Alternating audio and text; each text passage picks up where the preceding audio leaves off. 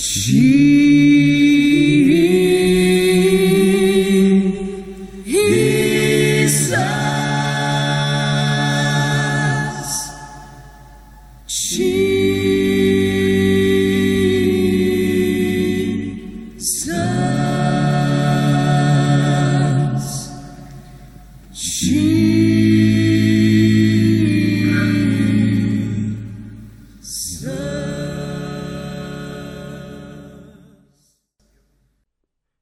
Välkommen till en spännande resa med Jesuspodden.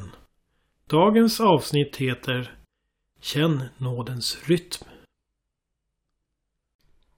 Jesus säger nu ett par sanningens ord som riktar sig till de städer där han hade jobbat som hårdast men där människorna ändå hade gett honom det svalaste mottagandet, bara ryckt på axlarna och gått iväg.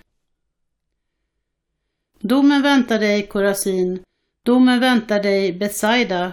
Om Tyros och Sidon hade fått uppleva hälften så mäktiga under som ni, hade de fallit på knä och tillbett på stört. På domedagen slipper de också lindrigare undan än ni.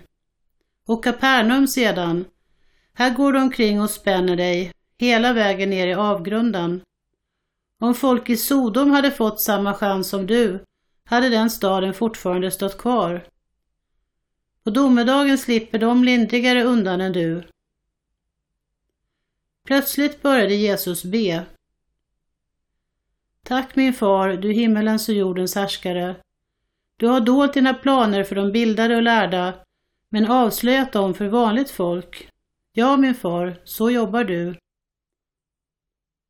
Sedan vände sig Jesus till folket för att trösta dem och sa Fadern har bett mig säga och göra allt detta. Fadern och sonen utför denna räddningsaktion tillsammans. Det är ett unikt nära samarbete. Ingen känner sonen så som fadern gör och ingen känner fadern så som sonen gör. Men jag behåller det inte för mig själv jag delar gärna allt med vem som helst som vill lära känna honom. Är ni trötta, slitna, utbrända av försöken att leva upp till olika andliga krav? Kom då till mig, fly med mig, så ska ni få tillbaka livet.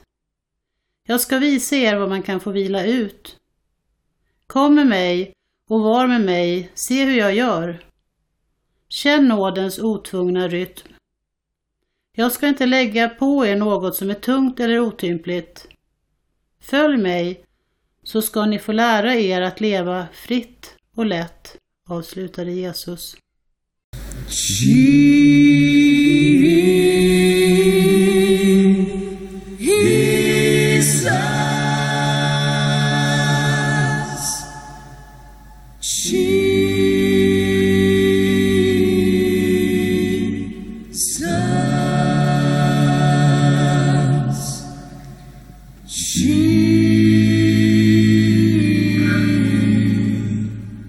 So